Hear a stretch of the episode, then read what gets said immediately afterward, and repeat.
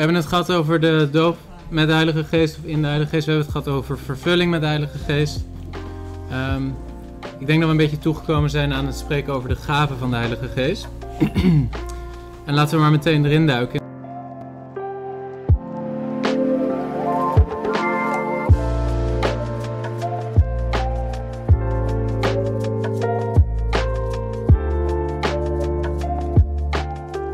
In 1 Korinthe hoofdstuk 12, vanaf vers 7 tot 11, daar zegt Paulus,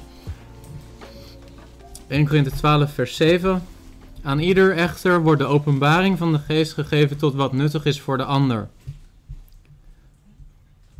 Want aan de een wordt door de geest een woord van wijsheid gegeven, aan de ander een woord van kennis door dezelfde geest, en aan een ander geloof door dezelfde geest, en aan een ander genadegave van genezingen door dezelfde geest, en aan een ander werkingen van krachten, en aan een ander profetie, en aan een ander het onderscheiden van geesten, en aan een ander allerlei talen, en aan een ander uitleg van talen.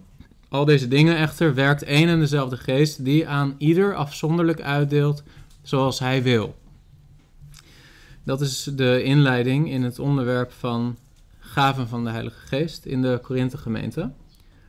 En het begint eigenlijk al in vers 7. En het is heel belangrijk om dit uh, als uitgangspunt, denk ik, te begrijpen. Er staat: Aan ieder echter wordt de openbaring van de Geest gegeven tot wat nuttig is voor de ander. Of in sommige vertalingen staat tot opbouw. Er staat in het Grieks symphero. En dat betekent dat het voordeel moet brengen voor het geheel.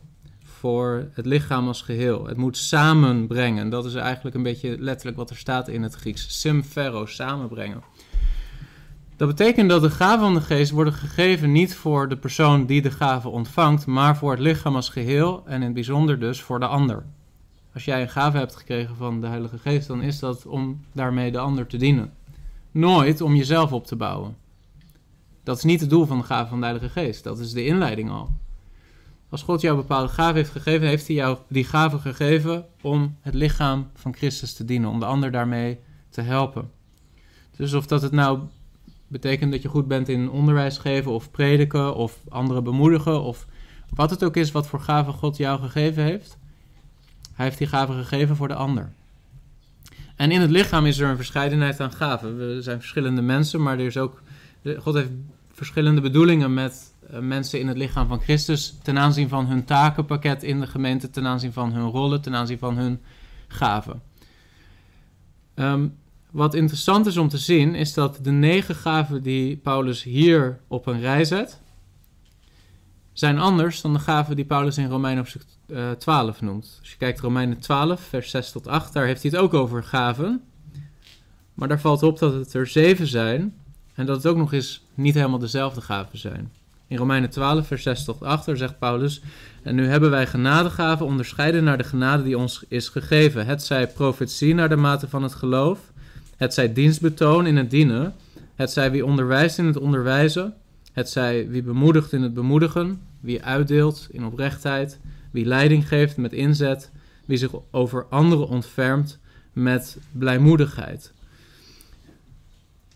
Dit zijn zeven gaven. In 1 Korinthe 12 vinden we negen gaven. En je zou erover na moeten denken, wat betekent het überhaupt dat Paulus in de 1 Korinthe gemeente een andere lijst met gaven eigenlijk neerzet dan in Romeinen? Dat voor mij betekent het in elk geval dit. De Romeinenbrief is later geschreven dan de Korinthebrief, waarschijnlijk twee of drie jaar later. Maar voor mij zegt het dit. Dat die gaven zoals die er staan in 1 Korinthe 12, die zijn niet in beton gegoten. Het is niet zo dat Paulus wil zeggen, dit zijn de negen en daar moet je het mee doen. En dat moet je proberen overal in de gemeente zo toe te passen. Het idee van Paulus is veel algemener. Het idee is, God brengt mensen samen in het lichaam van Christus. Mensen worden opnieuw geboren, ze worden toegevoegd aan het lichaam. En dat lichaam, dat moet elkaar opbouwen, dat moet voor elkaar zorgen, dat moet groeien. En God geeft gaven aan mensen, waarmee ze dat kunnen doen. Het is niet zozeer interessant per se van, oh, die gave is er dus, en die gave is er dus, en die is er dus. Want anders zou Paulus in Romeinen precies dezelfde gave hebben herhaald, als dat zo betekenisvol zou zijn, de precieze inhoud. Wat verder opvalt is dat in Romeinen 12 de bovennatuurlijke tekengaven veel minder aan de orde komen. Je zou hoogstens kunnen zeggen, oké, profetie, die wordt herhaald in Romeinen hoofdstuk 12. als je dat ziet als een soort voorzeggen van de toekomst. Maar dat is niet de kernbetekenis van profetie. En dat wordt vaak zo gezegd, hè, van oh, de gave van profetie betekent dat jij dingen zegt die gaan over de toekomst.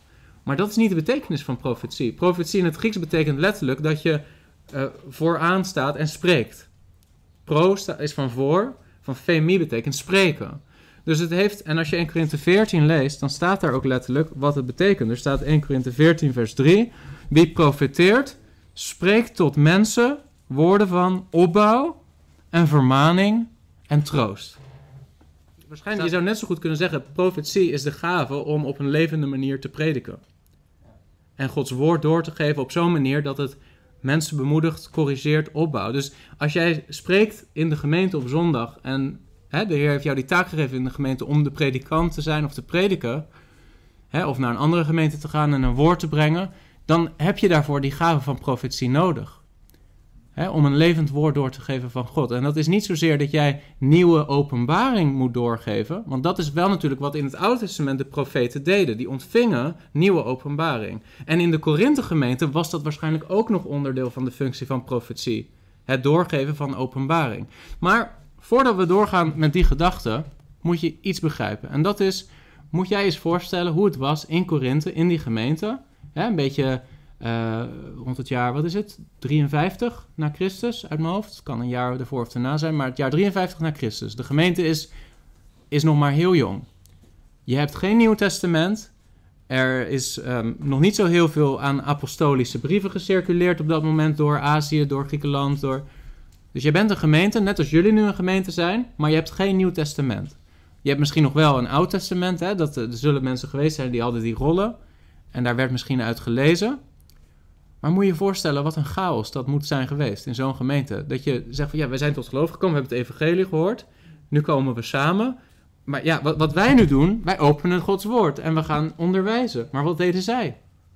Zij waren, en daar moet je echt bewust van zijn, zij waren veel afhankelijker van bovennatuurlijke gaven van openbaring om überhaupt te weten wat het was om Jezus te volgen. Begrijp je dat? Omdat de schrift niet voltooid was. Soms wordt er door charismatische gelovigen gezegd: Ja, jij bent cessationist, jij gelooft dat de gaven niet meer zijn voor vandaag. Laat mij dan zien in de Bijbel waar dat staat. Maar zo zou ik nooit überhaupt op die gedachte komen van, oh, de Bijbel zegt dat de gaven zullen ophouden. Nee, waar je over na moet denken is, hoe was de situatie van die gemeente toen? En die gemeente, en dat is gewoon de realiteit, die gemeente was voor een heel belangrijk deel voor het onderwijs afhankelijk van bovennatuurlijke gaven. Veel meer dan wij vandaag de dag zouden zijn. Want wij hebben de schrift, wij hebben het voltooide getuigenis van de apostelen. Dus profetie, en dat zie je ook in de schrift, profetie kan zowel iets zijn van het voorzeggen van de toekomst, als het um, doorgeven van nieuwe openbaring, als het op een levende manier prediken van dat wat al bekend is van God. Er zijn profeten geweest die hebben helemaal niks gezegd over, over de toekomst. Die hebben helemaal niks van bovennatuurlijke tekenen gedaan. Neem nou Johannes de Doper. Wat was de kern van zijn boodschap? Bekeer je. Bekeer je, bekeer je. Dat was een profeet. Sterker nog, misschien de grootste profeet die er is geweest. Maar hij was niet zozeer bezig met de toekomst verkondigen. Hij was bezig met Gods woord tot de orde roepen en de levende boodschap doorgeven. Gods woord toepassen op de situatie zoals die was op dat moment. Dat was zijn bediening. Dus profetie um, betekent niet altijd de toekomst voorspellen. En dat is een misverstand in charismatische uh, in de charismatische beweging.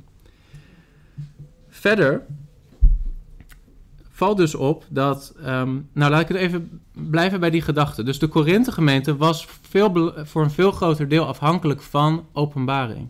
Er wordt ook gezegd, als er wordt geprofiteerd, hè, twee of drie profiteren, anderen toetsen het.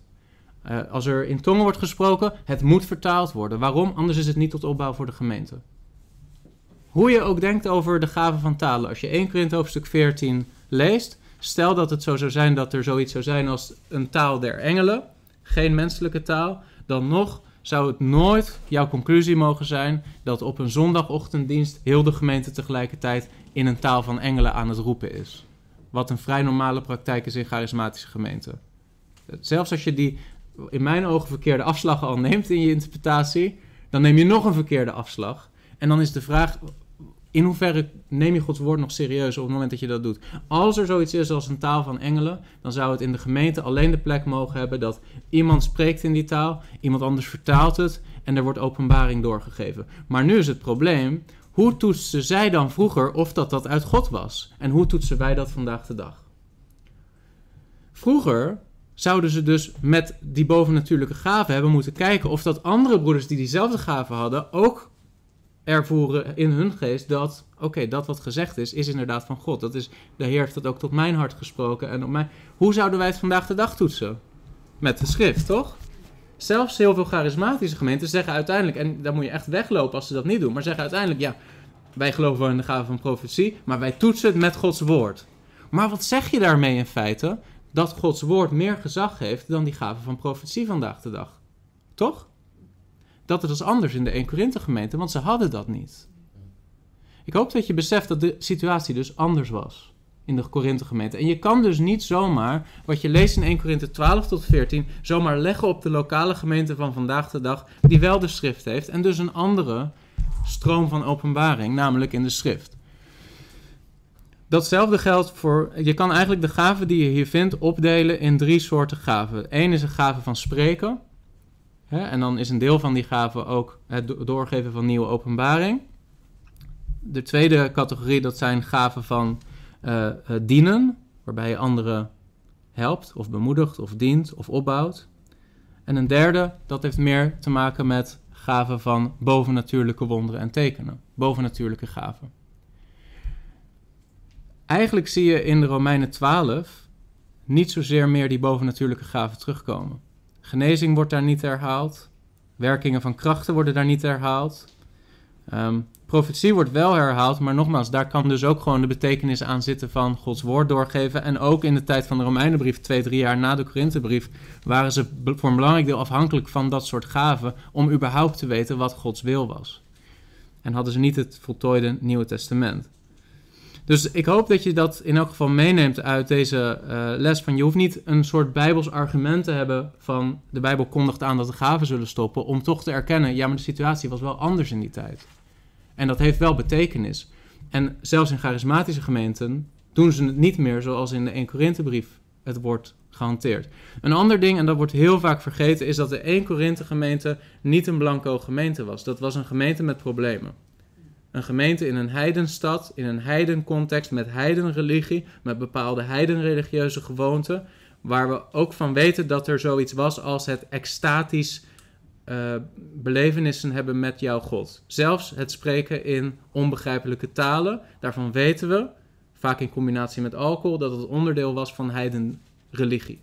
En het is dus helemaal niet onaannemelijk dat dat in de 1 Korinthe gemeente speelde. Dat er een vermenging was van waarachtige gaven van de geest, maar ook gaven, zeg maar, tussen aanhalingstekens, die vervalst waren. En dat, daar vind je al een aanwijzing van, vanwege het feit dat bijvoorbeeld Paulus moet zeggen in 1 Korinthe hoofdstuk 12, niemand kan door de geest zeggen, Jezus is een vervloekte. Waarom zegt Paulus dat? Kennelijk waren er misschien mensen die zeiden, ja, maar ik, ben, ik heb een gave van de geest van profetie, of ik heb een gave van talen, en die zeiden dat soort rare dingen. En het was voor, je zou bijna zeggen, maar Paulus is toch logisch? is toch logisch? Hoef je ons toch niet te vertellen dat als iemand zegt Jezus vloekte, dat niet... Dat zou je toch zo zeggen, toch? Paulus moet dat zeggen tegen hun. Kun je je voorstellen hoe. Dat is geen blanco situatie. Daar gebeurde van alles in die gemeente.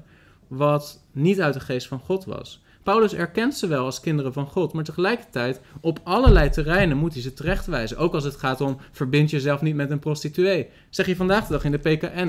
Ja, ik bedoel, hoeft, hoeft toch niemand uit te leggen? Toch? Je bent een christen, je zit in de kerk, verbind je niet met een prostituee. Oh, dat wist ik niet, dankjewel. Kom op man, je hebt de Bijbel gelezen. Het is toch duidelijk? Snap je dat het niveau van die, van die christenen in de Korinthe gemeente... Zou, van vandaag de dag zouden we echt gechoqueerd zijn als er een gemeente zou zijn... die zo naïef is dat ze dat soort dingen zouden denken. En toch, tegelijkertijd beschrijft Paulus in de 1 Korinthe gemeente... dat er sprake was van geestelijke trots. Ze waren trots, ze waren hooghartig. Ze waren met elkaar aan het concurreren wie de hoogste gave had. En Paulus moet ze tot de orde roepen. Jongens, er zijn wel gaven van de geest, maar de liefde staat centraal. Het gaat om de liefde. Jullie moeten elkaar dienen. Dus er waren waarschijnlijk allerlei, ook wel vermengde praktijken, ook met heidenreligieuze eh, gewoonten. En Paulus roept ze tot de orde, herinnert ze aan wat het doel is van de gave van de geest. En besef dus, dat is de context. De context is een gemeente, eh, jong, weinig openbaring, geen voltooid getuigenis van God. Wij leven niet in deze situatie, lieve mensen. Dit is een hele andere situatie waar wij in leven. En dat moeten we onderkennen. Als je dat niet onderkent, dan ga je de mist in. Dan kan je zeggen, ja maar broeder Christus staat nergens dat de gaven van openbaring of profetie of krachten en tekenen zijn gestopt met de voltooiing van de schrift. Nee, dat staat er misschien niet zo duidelijk. Maar ik denk wel dat we met z'n allen moeten erkennen dat de schrift op dit moment meer gezag heeft dan jouw zogenaamde gave van profetie. En als jij zegt van, hé, hey, ehm, ik heb een droom gehad en de Heer heeft mij geopenbaard dat we nu wel met prostituees kunnen trouwen of dat ik meerdere vrouwen kan hebben, wat doe jij dan? Toestand voor. Broeder, tot ziens. Tot ziens, broeder. Hè? Succes met jouw verdere geestelijk leven, maar eh, hier scheiden onze wegen. Ja, nou, in de Bethel-gemeente eh, in Kerken, hè, waar ze eh, heel charismatisch zijn, daar zullen ze waarschijnlijk nog met z'n allen gaan bidden en onderzoeken of dat, dat misschien van de geest zou kunnen zijn. Dus pas op, het, het gezag van de schrift heeft voor een heel belangrijk deel dat soort gaven overbodig gemaakt. Dat betekent niet dat de gave van profetie niet meer werkt. Betekent niet dat er nog steeds een broeder is in de gemeente die de geest specifiek die gave geeft van... oké, als die broeder predikt, dan merk ik dat ik in mijn hart getroffen word door dat getuigenis. Ja, dat is omdat die broeder een gave heeft om het woord van God te prediken op een levende manier. Heb je iets gehad aan deze video? Druk dan op like, dan zullen meer mensen deze video zien. En wil je vaker dit soort apologetische video's zien? Abonneer je dan op dit kanaal. God zegen.